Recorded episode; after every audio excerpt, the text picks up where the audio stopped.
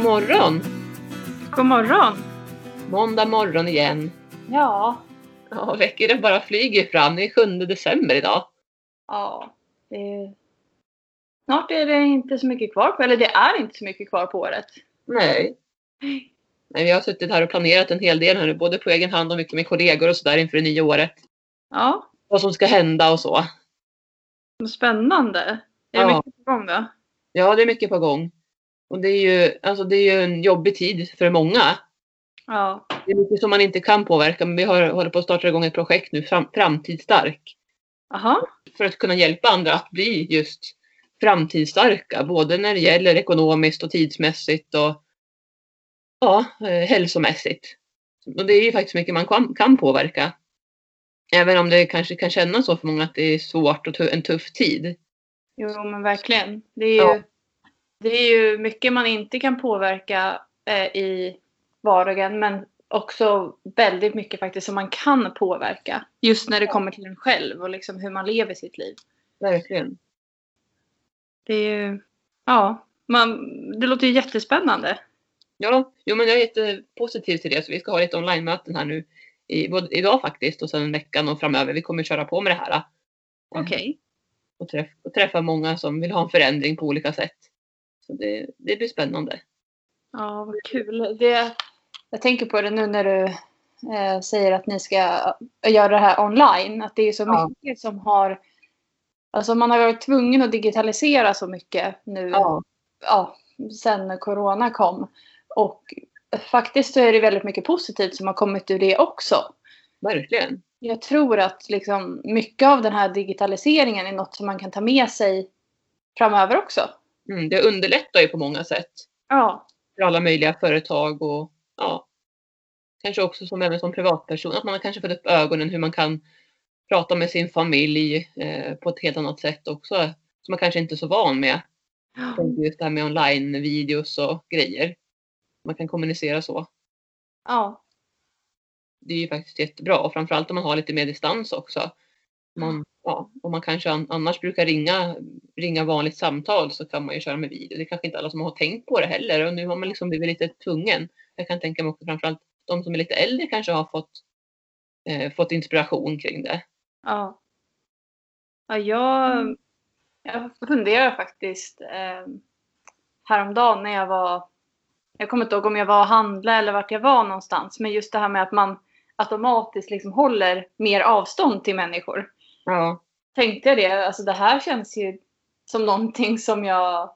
Alltså det känns naturligt. Det känns som att jag kommer göra det sen också. Jag vet Ja. inte. Det känns liksom som att man har blivit annorlunda i sitt sätt. Eh, alltså man tänker mera på vad Ja. man gör och hur man står och så. ja, verkligen. Och det behöver ju inte vara något negativt liksom. Nej, Ja. Just nu så, vi har ju fått lära oss att leva på ett annat sätt än vad man har gjort tidigare. mm, Även om man på landet så har ju allt varit ganska, ganska normalt. I alla fall hemma på gården. ja, ja, men det håller jag ju med om. Ja, det är skönt. Sen är det mer, mer, mer så här med grannar som man brukar träffa ibland och, och en ganska ny granne som jag har lärt känna också som har inte, bott här så länge. Vi sa att vi skulle gå en promenad men det blir liksom lite svårare. Ja, Och sen så sa vi det att men vi kan ju gå en promenad på varsin sida om vägen till exempel. Alltså då håller man ändå avstånd.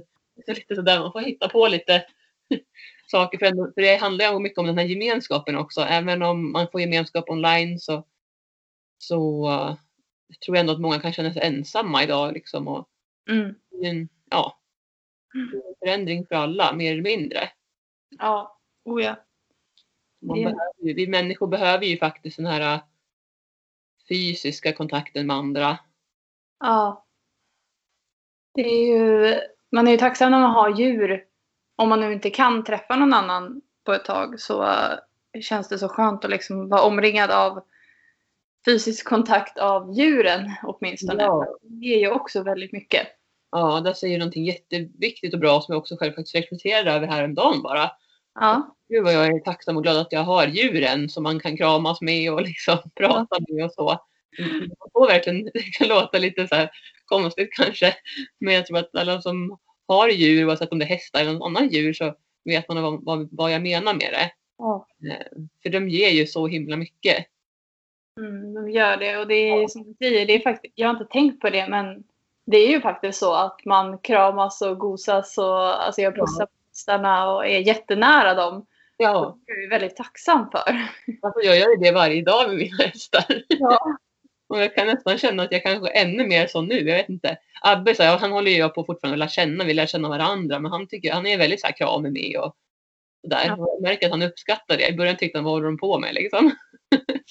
Ja. Nu tycker han att det är jättemysigt. Då går man fram och kliar honom lite över manken och sådär. Och han Ja. tycker det är jättemysigt. Och det ger en själv då energi och glädje. Jo, man kan verkligen eh, hitta sätt att lära sig och uppskatta det lilla på ett, på ett annat sätt än vad man kanske har gjort tidigare. Ja, Och det, det i sig tycker jag är något positivt som man kan ta med sig från sådana här tuffa perioder. mm. Eh, Och är det en hel del restri- restriktioner här nu i och med corona. Så, eh, liksom, jag tänker att, ja, som jag pratade om, det påverkar ju många. mm. Hur känner att det har påverkat dig då? Eh, ja, alltså. Jag har, framförallt så är det väl min anställning med, där jag jobbar med barn och ungdomar. Där har det ju blivit mycket påverkan. Ja, Eh, vi har ju faktiskt stängt ner nu då sen eh, någon vecka tillbaka när de här nya restriktionerna om åtta, max åtta personer tillsammans kom. ja, För det kan inte vi riktigt hålla. Men eh, nu ska jag faktiskt istället för mina ordinarie verksamheter så kommer jag att ha läxhjälp två dagar i veckan med eh, gymnasieelever. ja, Eh, För de gick ju över, ja idag, måndag den 7 december går de över till eh, distansundervisning. ja, Och då, alltså det slog väldigt hårt på dem i våras, så då hade jag också läxhjälp. Och eh, nu blev de jätteglada när jag frågade om de ville ha det igen. Och vi kommer vara max kanske ja, men, fem, sex personer och vi kan sitta utspritt och sådär. Så att det, det går liksom att genomföra och jag tycker att det är något nödvändigt. Eh, för att det betyder så mycket för dem ja, både att få hjälp med läxorna men även mentalt, alltså psykiskt. är det ju väldigt påfrestande för dem att vara hemma igen. ja. Och det måste vara jättetufft. Ja, men i, alltså hemma i stallet och så, som sagt här på landet är det ju inte jättemycket annorlunda. Det är inte så mycket människor här. I, alltså, I mitt stall så är det såklart mycket folk. Vi är ute och rider och sådär men vi håller ju avstånd och vi är ju aldrig mer än vad som är tillåtet. Nej. I helgen så, så red vi ut med alla nio hästarna. Mm. Och då har jag, jag har ju ett innestall och ett utestall och vi får inte plats alla i innestallet. Så att Nej. eh, då var vi ju uppdelade. Så vi var inte ens på samma plats allihopa. Vi, vi var utspridda. Eh, och det var ju faktiskt också coronaanpassat. Ja, men verkligen. Vad smart och bra. Ja, Att lösa så liksom. För det är svårare då man har ett, ett, ett, liksom, ett stall där alla ska vara då. Då blir det ju faktiskt mer än åtta. Det var ju jättebra. ja men det är det. Mm. Ja, så, men hur, hur har det blivit för dig då? Du har ju fått digitalisera mycket vet jag. Ja, alltså jag har digi- digitaliserat eh, allt. Ja. Både möten med kollegor och eh, ja, kundkontakt också så där sköts ju online. Mm. Eh, sen är det klart att leveranser av produkter och så där, vilket jag jobbar med också, är ju någonting som jag får sköta. Liksom. Men det är mycket som jag ändå postar. Eh, men jag, har ju också den här personliga servicen att jag levererar och då är det ju liksom handsprita, avstånd som gäller. Mm. Lämnar man på trappan, och men då ställer man den på trappan så backar man. Liksom. Ja. Det är verkligen noga. Eh, ja, nej, men det funkar ju jättebra, det får jag säga att det gör. Liksom, det är inga, inga problem, det är bara att man har behövt om, om, om, ställa om sig. Ja. Jag vet att jag har nog nämnt det tidigare att jag har ändå jobbat mycket digitalt tidigare också. Jag har ändå gjort ganska länge. Men det är ju annorlunda när allt måste digitaliseras. Och, företaget som jag samarbetar med har ju också fått göra det. För vi har ju haft mycket utbildningar och event och sånt där. Med Ja. väldigt stora, många gånger stora sammankomster. Vi har varit tusentals personer på vissa event. Och det fått digitaliseras. Det går ju liksom inte att få, få till det. Nej. Men jag är helt fascinerad över vilket jobb de har gjort och att de har liksom lyckats få ihop det. Jag vet att första, när den här första, när det kom liksom förra året här, eller ja, januari var det väl då någonstans. Och vi skulle ha ett event och de verkligen sa nu, nu måste vi stänga ner det här liksom, när corona kom. Ja. Eh, Så bara på några dagar fixade de ett online-event. Ja. Det var så imponerande och hur de fick det att funka med teknik och allting. ja, det är häftigt. Det- är klart, när man har legat lite steget före så också så att det inte var helt nytt. Det är ju bra. Men det är viktigt att hänga med med i digitaliseringen Mm. idag oavsett eh, ja, privatperson eller företagare eller vad det är. Ja. Därför att det är där som framtiden ligger mycket. Sen så är det jätteviktigt med det här personliga mötet och det hoppas jag verkligen att det här med corona nu kan lugna ner sig så att man kan få mer fysisk kontakt med varandra igen. Ja. Ja, vi här hemma så har eh, min pappa, han var sjuk faktiskt i några veckor. Jag tror tror det var två veckor i alla fall. Ja. Hade liksom ont i kroppen och han hade ingen feber tror jag, kanske en dag. ja. Och sen så mådde han bara... han mådde allmänt dåligt liksom och kände sig orkeslös och fick svårt med andningen. Oj. Han har ju astma också då, så att det, det kan ju bero på det också för att när han blir sjuk så sätter det ju sig gärna liksom på andningen. Ja. Men han, eh, det kom faktiskt hem en sån här eh, coronabil. Jag vet inte vad man ska kalla det för, men man kan beställa hemtest. ja. Eh, och då gjorde han det och så kom det en bil som levererade det här testet och så lämnade han det. Och sen så fick han svar då. Och han hoppades ju nästan, alltså för att han mådde så dåligt. Så att han var, "Ja, men kan det här, kan det vara corona liksom? Då, det vore skönt att få ett svar på vad det är för någonting. Mm. Men eh, det var inte det. Nej. Så det var antagligen en vanlig influensa eller någonting. Ja. Eh, och vi har ju faktiskt, peppar peppar, mm, ja, klarat oss rätt bra här ute. Men eh, jag läste faktiskt häromdagen att eh, det sägs ju att om man har blodgrupp 0 negativ Mm. eh, eller 0 så, um, så har man lite antikroppar och lägre risk. Och vi konstaterade här att jag, Otto och min mamma har 0 negativ och min pappa har 0 positiv. Okej. Så att eh, kanske så har vi lite bättre skydd. Jag hoppas att det stämmer i alla fall. Ja, Men, eh, men med det sagt så kommer jag ju inte vara mindre försiktig. Såklart. Nej. Nej. Det är ju bara en extra bonus om man nu är, har lite naturligt skydd kanske på grund av, tack vare sin blodgrupp. Mm. Men det är ju precis som det här med munskydd och allting. Att man är ju inte bara för att man har på sig munskydd eller vad det nu kan vara så ska man fortfarande tänka på hur man beter sig. Verkligen. Det- Ja. Ja. Det, Nej, nej, annars så kan jag känna att hemma här är det väl inte några jättestora förändringar förutom då mitt arbete. Eh, hästskötarkurserna, där är vi ändå så pass få. Men vi tänker framförallt på avstånd. Eh, och en del har också haft önskemål att, att en, enbart rida. Så det har jag ju bemött förstås. Liksom. ja. Eh, för att man är, man är ju ändå i stallet och sådär. Men återigen, man försöker hålla avstånd så gott man kan. Och sen är det viktigaste att man är frisk då när man kommer förstås. Och att jag är frisk förstås. Ja. Så man får göra det som man måste helt enkelt. Ja. Eh, Ja, det är som du säger, sen bor man ju på landet så det är ju ingen större förändring.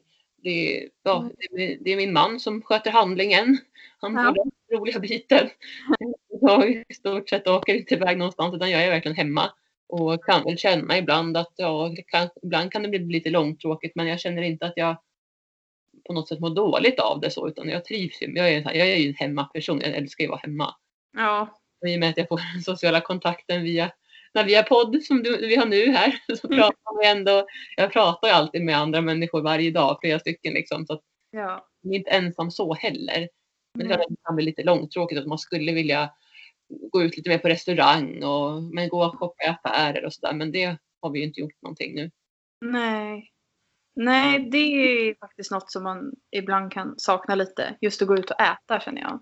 Ja.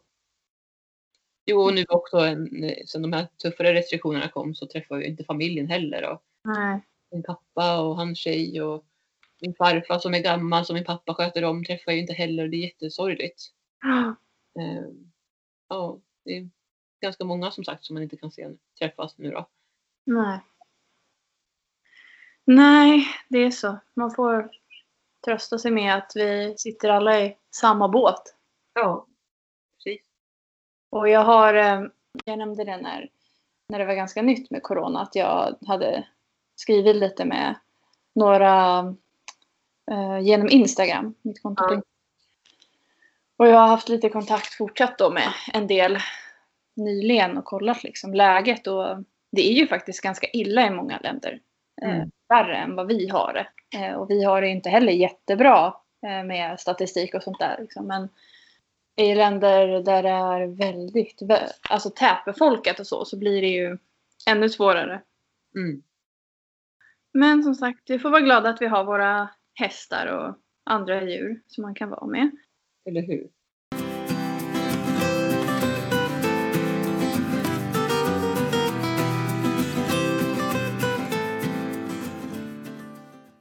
Ja, har du, eh, apropå det, har du gjort något särskilt? Eller har det bara, bara varit lugnt nu senaste veckan? Det har varit ganska lugnt och det har varit mycket jobb med, med mitt, mitt andra jobb. Eh, men jag har varit på lite uteritter med Abbe. Mm.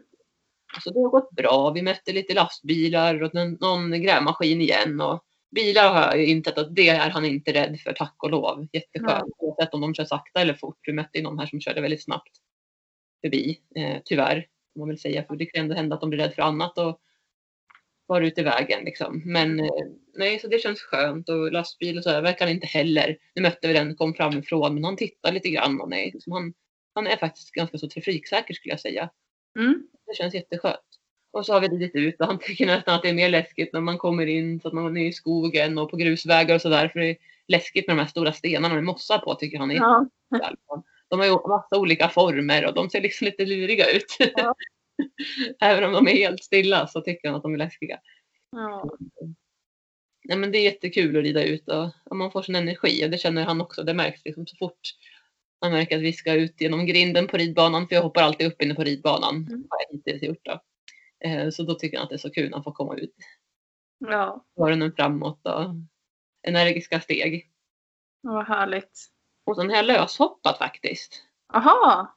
Okej. Herman, Herman och Djingis de fick löshoppas också lite grann. Nu vill jag inte hoppa så himla högt då med Herman.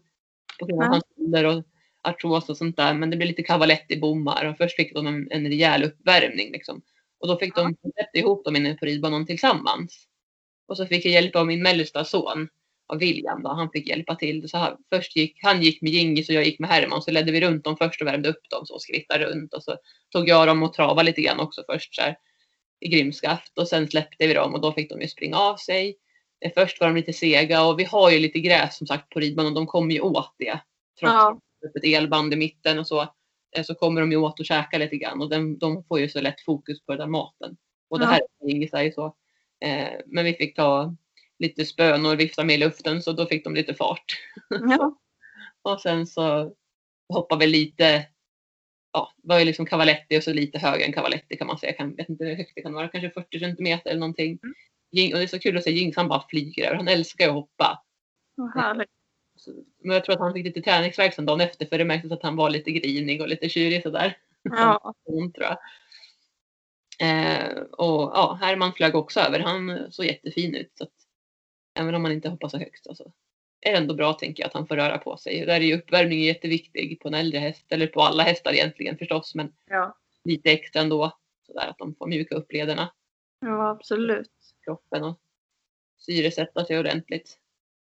Eh, och sen så även hoppade jag ju Abbe då. Det gjorde Ja. jag först. Så han fick hoppa först på förmiddagen. Och, häst, och Herman Ingis fick hoppa på eftermiddagen, kvällningen. Ehm, och det var ju första gången som jag löshoppade Abbe. Jag vet inte om han har hoppat tidigare. Alltså jag har ingen aning. Nej. Eh, Jag har inte fått känslan av det för han tyckte att bommarna var läskiga första gångerna då tidigare som vi har övat med dem och sådär. Så tyckte de, vad är det här för konstigt? Titta lite snett på dem. Ehm, Ja. Vet inte om han har gjort det. Men eh, nej, så han flög också över de där. Nu hade jag väldigt låga, jag ska säga det var cavaletti höjd på dem. Mest bara för att Ja. det skulle vara någonting så att han ändå skulle få liksom hoppa över det han ville, som man säger. Ja. Så jag tänkte jag ska lösa upp honom idag. Så då tänkte jag då höjer jag upp lite grann om det känns bra och han tycker att det är roligt.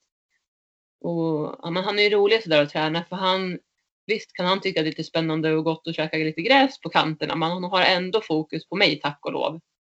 Ja. Och räckte det då extra den när vi skulle löshoppa. att Då sprang han en vända, ett varv på ridbanan. Och så kom han mot mig, liksom, han vände upp mot mig. Tog jag tag i honom, han stod och frussade lite där. Eh, och sen så släppte jag ut honom igen och bad honom springa runt och så pekade jag liksom.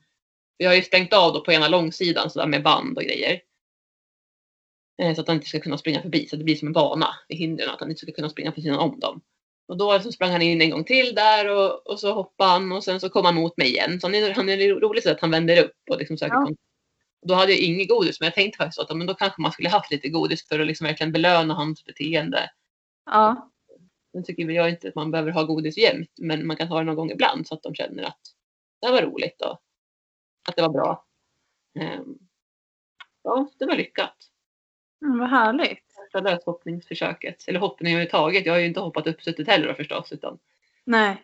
och bli lite längre fram, kanske till sommaren då. För nu finns det ju snart risk att det fryser på också och blir halt och sådär. Ja. Hoppas att det dröjer lite. Ja, men nu har jag i och för sig varit också upp till ridhuset och ridit med Abbe som jag berättade tror jag var i förra avsnittet. Så att där skulle jag ju kunna löshoppa dem alla framöver om det är så i vinter också om man vill det. Mm. Är bara att det är ledigt där då, då. Men det brukar oftast vara på dagtid. Ja. Nej men det låter ju jätteroligt. Ja, men det var verkligen kul. Så det kommer vi fortsätta med förstås. Framförallt kommer jag göra det med Abbe. För det är Ja. träning. Ja men det är ju superroligt att ni har kommit igång med uteritten också. Ja, det känns jätteskönt. Ja. behöver man inte oroa sig lika mycket för det här med eventuellt is på ridbanan eller för mycket snö eller så. Då kan man ändå känna att man kan träna Ja. på bra ändå. Och jag tänker, vi har ju skrittat på våra uteritt. Jag har ju tagit någon liten trav och någon liten galopp. Liksom. Jag känner att han blir ju väldigt taggad av det. Mm. Eh, förmodligen också för att det är liksom lite ny miljö, så ny, nytt för honom. Eh, men också säkert för att han tycker att det är så himla roligt och han har ju mycket energi. Jag menar, Perrier, det är ju ändå en häst med mycket energi liksom. Ja. Man får ju inte glömma bort att de faktiskt är från början avlade till eh, tjurfäktning. ja, just det. De, Men ja, de är ju de har ju mycket energi. När man tänker att man har, har tröttat ut dem så är de inte trötta för fem öre. De, är liksom, de har mycket energi. Jag tänker det är väl samma med araber också. De är också väldigt energiska. Ja, gud. i- Det är Mm. som, eh, lite som border collie-hundar. Man kan inte, i alla fall om man tränar distansritt, då kan man inte förvänta sig att de ska bli trötta av att man är ute och rider. Det, det händer liksom inte. Du får försöka att trötta ut dem mentalt i så fall. Ja. Men precis, det där är ju också någonting jätteviktigt där med den mentala träningen. För det märker jag på Abbe. Jag, jag brukar blanda och göra lite olika saker. Till exempel så börjar jag passet med, innan vi löshoppade honom här, så börjar jag passet med att jag eh, longerade och tö- tömkörde. Så jag hade tömkörningslongerjord på. Eh, och så började jag uppvärmningen så med honom. Och sen fick han löshoppa så det blev ganska många olika saker. Sen så blev han lite rädd för mina barn när de sparkar med fotbollen precis vid staketet i ridbanan. Då hoppade han till och det tycker jag väl inte var konstigt. Och han har inte fått nosat på en fotboll heller vad jag vet. Inte hos oss i alla fall. Så då, fick, då tog vi in den på ridbanan och så fick han nosa på den och jag sparkade den lite fram och tillbaka och sådär. Så det blev också mental träning. Så det blev mycket grejer för honom den dagen. Men jag märker att han blev trött på det. Okej. Men han tyckte att det var kul en stund i alla fall. Ja men det tyckte han. Ja. Och just det här att, ja, men, att han lugnade sig efter ett tag. Han insåg att fotbollen var inte farlig. Den var bara den var spännande. Det gick ändå ganska fort över från att han var väldigt rädd för den till, till att han liksom kunde lugna sig och stå stilla. Vinkla i örat lite grann bara när jag, när jag eh, sparkade lite lätt mot hans hov. Så det var ändå bra. Ja, jag har ju en, en jättestor boll, typ som en pilatesboll som jag har till hästarna. Men det, är- det är någon av dem som tycker att det är kul att putta på den och jag har liksom försökt att belöna det beteendet. Eh, Ja. Men ja, det är som du säger, de tappar så lätt fokus och tycker liksom nej men det var inte kul längre. Nej, nej. Precis. Nej, men jag håller med. Jag köpte en sån här aktivitetsboll, en sån här liten med handtag på. Ja. Köpte jag. Och men ingen av dem har lekt med den. Den ligger i stort sett där i hagen så att jag vet inte. Den var väl inte jättespännande. Men det var ändå tänkte jag lite mental träning och framförallt för Abbe. Herman och Inge så har inga problem. De är inte rädda för saker så men för Abbes del. eh, Jag vet inte, man kanske som du säger, man kanske ska ha en större boll då så att den blir lite, lite mer för hästen att använda sig av. Ja, Eller så tycker de inte att det är kul. En del hästar har man ju sett tycker att det är jättekul att jaga de här bollarna och liksom nästan hoppa på dem med ja. frambenen och så. Men eh, mina är så här, jaha, en boll. Och så liksom ja. kan ta den här stora, den är ju stor som sagt som en pilatesboll. Så kan jag liksom putta den på hästen. Eller stå en bit bort och liksom så här putta den mot hästen på frambenen och hästarna de liksom bara står där så här. Oh, kommer en boll, dunkar till på frambenen och hästen bara jaha. Här står jag liksom. Det är skönt att bara stå här. Ja. Eh, sen är det väl någon av dem som tycker att bollen är lite läskig så att då flyttar de ju på sig. Men flera av dem är ju så himla obrydda så att de bara tycker att jaha, nej det här var väl, det här är väl ingenting. Eller det vill säkert att jag bara ska stå här och Ja, men de, tror det. de kanske tror att det är lite miljöträning då, att de ska chilla liksom och inte bli rädda för det. Jag tror det. Ja, men om det är någon som lyssnar på avsnittet här som brukar använda sig av bollar, berätta gärna hur ni gör och hur ni tränar och så för att få dem intresserade. Eller om det helt enkelt är kört om man har en häst som från början visar att det inte är något kul. Men då jag tänker jag gå och få dem motiverade till det.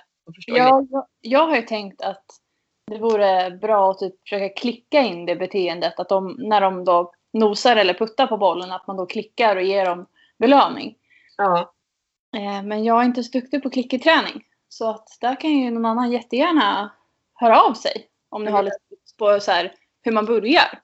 Ja, bra. Nybörjartips för eh, klickerträning eller bollträning eller vad vi ska kalla det för. Ja.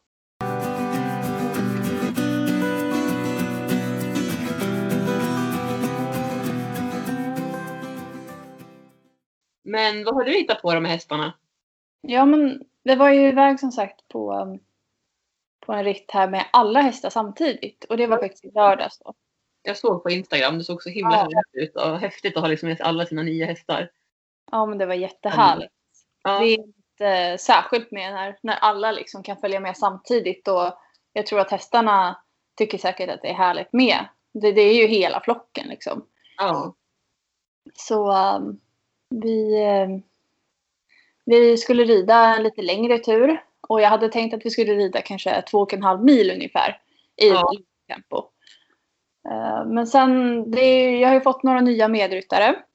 Och eh, det är några av dem som var med nu i lördags är inte heller så vana vid att rida i så stor grupp. Nej. Jag tror att det är ganska, alltså det är ovanligt att man är ute och rider så många samtidigt. Ja det kanske är mer vanligt att man rider med en eller två stycken andra om man nu har sällskap när man rider ut. Så alltså det är mycket, mycket man måste tänka på som man kanske inte gör i vanliga fall. Nej. Så, um, kan du berätta vad till exempel då? Vad, vad ja, på, liksom? Det första äh, när man ska rida iväg är ju att äh, organisera hästarna så att de, de har en bra position i gruppen. Ja. Eh, jag har, majoriteten av mina hästar tycker ju mest om att gå först. Men alla kan ju inte gå först. Liksom. Så eh, då får vi ju alltså, kompromissa lite. Både hästar och ryttare får kompromissa med varandra. Eh, och liksom se, några av dem får finna sig att inte gå först fast de verkligen vill det. Mm, jag såg en Oris där. Han var... Ja, precis. Eh, vi hade, jag brukar ju oftast rida först och det är ju för att jag, jag gillar att ha kontroll. Mm. Eh, och när man ligger först så kan man se till att tempot är jämnt. Eh, för blir tempot väldigt hackigt, att de liksom travar snabbt, långsammare, travar snabbt, långsammare, då blir hästarna mera uppjagade av det. Så ju jämnare tempo du håller, eh, ju mer liksom meditativt blir det för hästarna. Att de kommer in liksom i ett flow. Mm. Och håller samma tempo. Och, eh, ja, men det är väldigt lugnande för dem. Mm. Eh, så jag gillar att vara först. Dels av den anledningen. Men även för att om någonting händer bakom mig. Så är jag framför och kan blockera till exempel om det är en häst som, som någon tappar kontrollen på eller någonting. Mm. Så där, ja, det är de främsta anledningen till att jag gillar att vara först. Eh, sen så red jag då på Orus och han, eh, han tycker ju verkligen om att vara först och han visar att han inte tycker om att gå bakom. Mm. Eh, men då i lördags så började jag med att rida i täten och sen så var jag tvungen att lägga mig sist för att jag behövde stötta en av ryttarna som är ny och inte känner hästen som ryttarna red på så himla Mm. bra. Så då, då fick jag backa bak och då blev det ganska mycket liksom galopp på stället och släng med huvudet hela tiden. Väldigt missnöjd Orys. Ja. Men han, eh, han fann sig, han slutade galoppera på stället i alla fall. Han fortsatte med sitt headbangande. Det gjorde Ja. han hela ridturen. Okej. Eh, Så när vi travade så gick det lite bättre för att då blev det ju mer koncentration på att liksom hålla takten och sådär. Ja. Men eh, ja, som sagt, det är mycket man behöver tänka på och hästarna kan ju bli eh, irriterade på varandra också. Ja, det kan vi. Eh, Och då behöver man ju både tänka, den som rider på en häst som kanske lägger bak öronen och viftar med svansen måste ju tänka på hur man rider hästen så att inte den riskerar att sparka en annan häst. Ja. Och även den som rider bakom måste ju tänka på att hålla avståndet så att man inte kommer för nära en häst som blir sur. Mm. Så det är hela tiden liksom att du måste vara uppmärksam på hur du rider och alltså rida, ibland behöver du eh, väja för en annan häst och ibland behöver du liksom bromsa eller växla ner. Så Mm. mycket, mycket dressyr på uteritterna Ja. eh, och kontroll liksom. Men eh, jag tycker att det gick väldigt bra. Vi red inte riktigt två och en halv mil för att jag kände att vi behövde hålla ett väldigt lugnt tempo för att det skulle funka för alla hästar och ryttare. Mm. Eh, Så vi skrittade och travade bara. Vi galopperade inte för jag kände att det... Alltså att galoppera nio stycken tillsammans är det ganska... Alltså då måste du verkligen vara erfaren och rida i grupp. Om du ska Ja. det. Eh, Och mina hästar de är ju jättevana vid att rida sådär. Men de kan ju bli exalterade ändå. Ja, just som när de är alla, allihopa också tänker jag. Exakt. Det är som du säger, om inte ryttaren har full koll eller liksom att man inte är superrutinerad. Då kan ju det skapa förvirringen också för hästen förstås. Alltså, så det blir, Ja. Och det som oftast skapar kaos är ju om någon häst börjar ändra position i ledet. ja, För att har de liksom sina positioner och de håller sig där, då är det en trygghet i sig. Men börjar de liksom gå om varandra, och, alltså, då är det ju kaos deluxe. Ja. Ja. Men eh, ja, vi red sist jag och Orus i stort sett hela ridturen. Eh, och när vi hade ridit kanske lite mer än två timmar, då, då började han ledsna rejält. Så då började han sparka bakut lite och liksom säga att nu räcker det, jag vill inte mer. Eh, Mm. och han, han, när han gör så, det är ju liksom i ren protest eller frustration. Han säger liksom ah, jag vill inte, det här är skitjobbigt. Och han Ja. blev stressad också för att han behöver, alltså, han behöver träna på att gå på olika platser i, i gruppen. ja. När man är ute och tävlar så kan man ju inte gå först hela tiden. Uppenbarligen. Det är ju många hästar på tävlingar. ja. Så det var jättenyttigt för honom att träna. Eh, och sen, ja, där någon gång efter bakutsparkarna och så skrittade vi en liten bit på asfalt och då så lät jag honom gå sen. Så fick han gå först. Mm. Och då skrittade han iväg från de andra i liksom jättehögt tempo. Och han, han struntade fullständigt i flocken. Han ville bara gå först. ja. Men, äh, men då var han jättenöjd och då slutade han också kasta med huvudet. Eh, han har ju... Alltså han vevar med huvudet lite runt så här. Eh, vilket gör att när du har tyglar så han kastar dem över huvudet också. Mhm. Så har du för lösa tyglar då kastar han av dem. Eh, Mm. vilket han har gjort ett par gånger. Han gjorde det någon gång i lördags. Men alltså, det, det gäller att hålla lite i tyglarna. Eller ha en irländsk mapping eller en sån här som man brukar ha på galopphästar. Som håller ihop tyglarna så att de inte kan kastas över huvudet. Men eh, som sagt, han gör det när han är frustrerad. Han, han kan göra det när han är pigg, när han är stressad eller liksom uppjagad över någonting. Det är hans sätt att typ, få utlopp för lite energi. Så att det är ju ingenting. Det är inte ett beteende som jag tycker att man kan så här, bestraffa eller tycka nej du får inte göra så här med huvudet. Det är hur? som ett yx. ja, Ja, man får tänka på att hästar är ju individer precis som vi människor. Liksom. ja de, De har sina beteenden och uppenbarligen så var det ju ett sätt för honom att visa sin frustration. Ja, Både säkert till dig men också till flocken. Liksom, att tala om att vill vara här. Liksom. exakt. Det, det är ju... Alltså de har som sagt sina egenskaper och jag låter hästarna vara som de är så länge inte det går ut över någon annan eller liksom att det blir dåligt för mig eller farligt för mig på något sätt. Nej men precis, precis. Ja.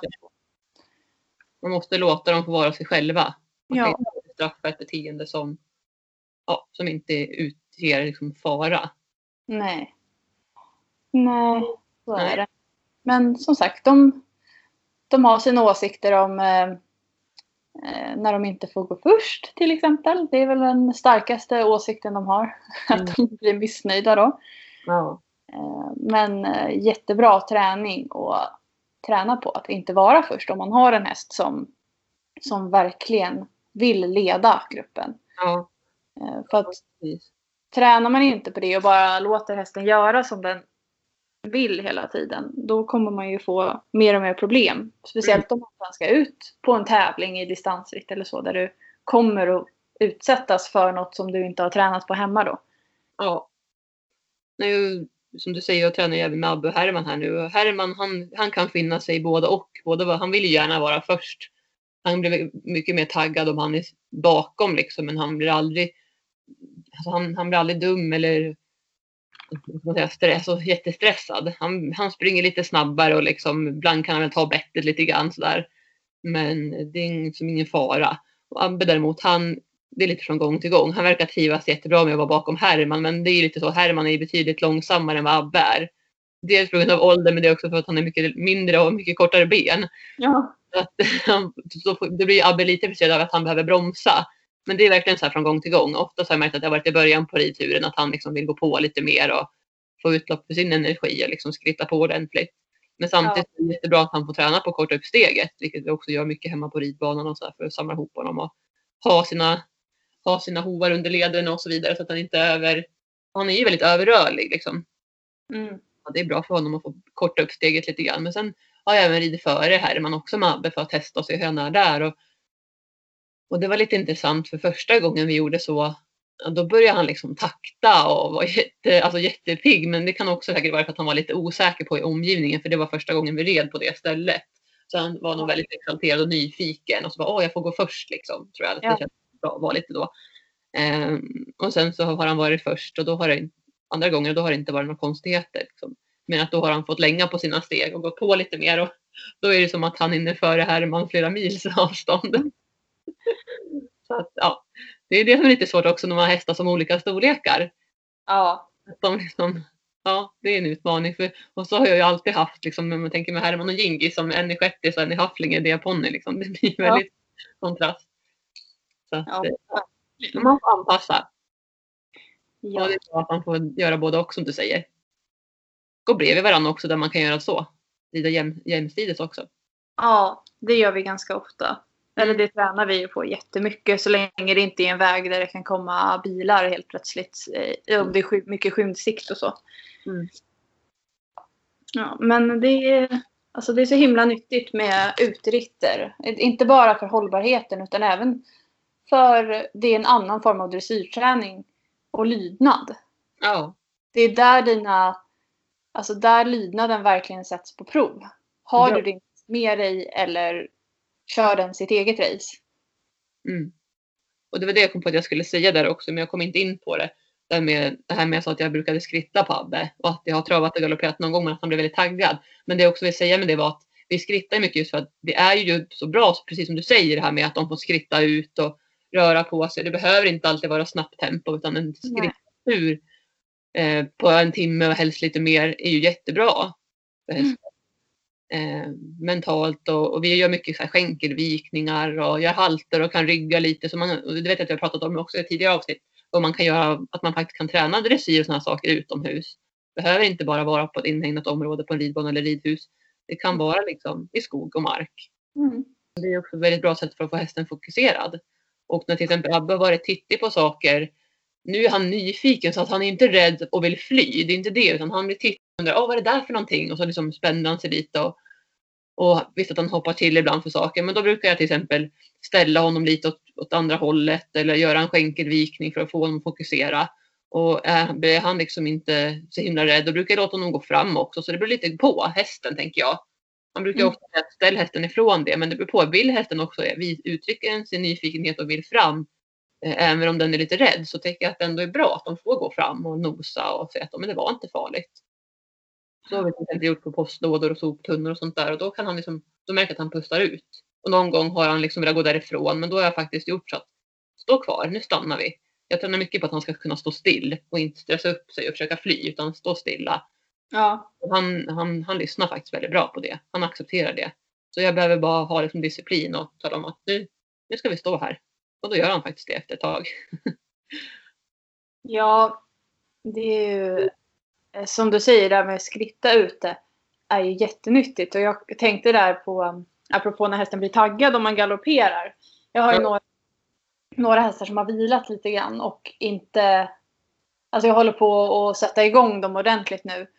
Eh, och de har ju extra mycket energi då, för de har inte tappat så mycket i just konditionen. Men ändå liksom med hållbarhet, hållbarhet i fokus så kan man inte bara, oh, nu ska jag ut och galoppera så att hästen verkligen blir trött. Utan man får ju successivt liksom ta, ja, stegra intensiteten på träningspassen.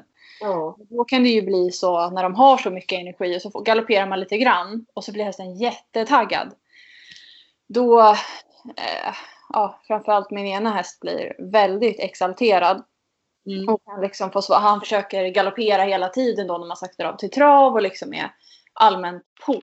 Och då gör vi så att ja, men då bryter vi det och så skrittar vi. Ja. Jag, bara, jag tycker verkligen inte att man ska bråka med hästen och bara försöka bromsa och bromsa och bromsa och hästen blir stressad och liksom börjar skjuta ut rumpan och springer i sidled, galopperar på stället. Alltså, ja, men skritta då istället. För att då brukar det oftast göra att hästen kopplar på hjärnan. Mm, den slappnar av på ett annat sätt ja. i kroppen. Ja, men precis. Den börjar tänka. Man får börja om. Mm. Ta tillbaka hästen och sen så kanske du kan börja trava igen efter 50 meter eller mer. Det beror på hur, hur mycket din häst behöver för att tagga ner. Ja. En annan grej som jag tycker är lite intressant att diskutera det är det här med för jag vet, det har varit väldigt tidigt med Herman till exempel, när vi inte hade jättemycket ridvägar när jag bodde i Öregrund. Vi hade ofta så samma ridvägar man red på. Och då var det ofta så att ja, men på det här stället i den här uppförsbacken, där galopperar vi till exempel. Ja, och varje gång man kom dit då visste han att ja, men här brukar vi galoppera, så då vill han galoppera. Då tänker jag att där är det bra att man inte kör alltid det racet. Det är klart att det är kul att ha en häst som är taggad. Åh, nu ska vi galoppera och liksom förväntansfull och man själv är det och så. Men där ja. är det viktigt, tänker jag, att man faktiskt, nej men nu skrittar vi den här gången för att, få, för att se att hästen är med och att de lyssnar på ens hjälper.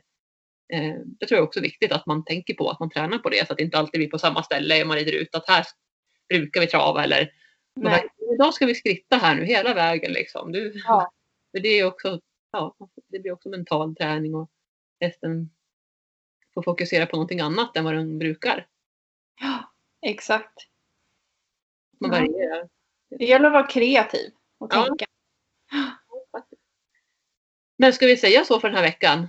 Ja, det tycker jag. Jag ska snart ut och ha en eh, lektion i horsemanship här.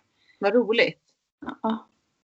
Och jag ska träna Abbe här också på en liten ritt. Eller om det blir löshoppning. Vi ska se idag vad vi hittar på, vad han är på för humör. Ja, härligt. Men då får vi önska en fin tredje advent då. Lucia är det ju på söndag. Det är ju Lucia då faktiskt. Tredje advent. Det, då ska vi ha en Lucia-ritt här. Med, oh. Det ska vara julpyntade och så ska vi ha eh, julsånger på rider. Så det kan jag berätta mer om sen. På... Göra. ja. Vi tjuvstartade faktiskt igår andra advent på hästskötarkursen och då fick hästarna tomteluvor på sig och det tyckte tjejerna var jätteroligt. Mm. De var så gulliga. Men vi hade faktiskt inte sådana kort. Men Nej. nästa då är det Lucia så då får vi ta bild på det och lägga upp. Både du och jag. Ja, det tycker jag. Ja. Ha det så bra. Ha det så bra. Kram, kram. Kram, kram. Hej då.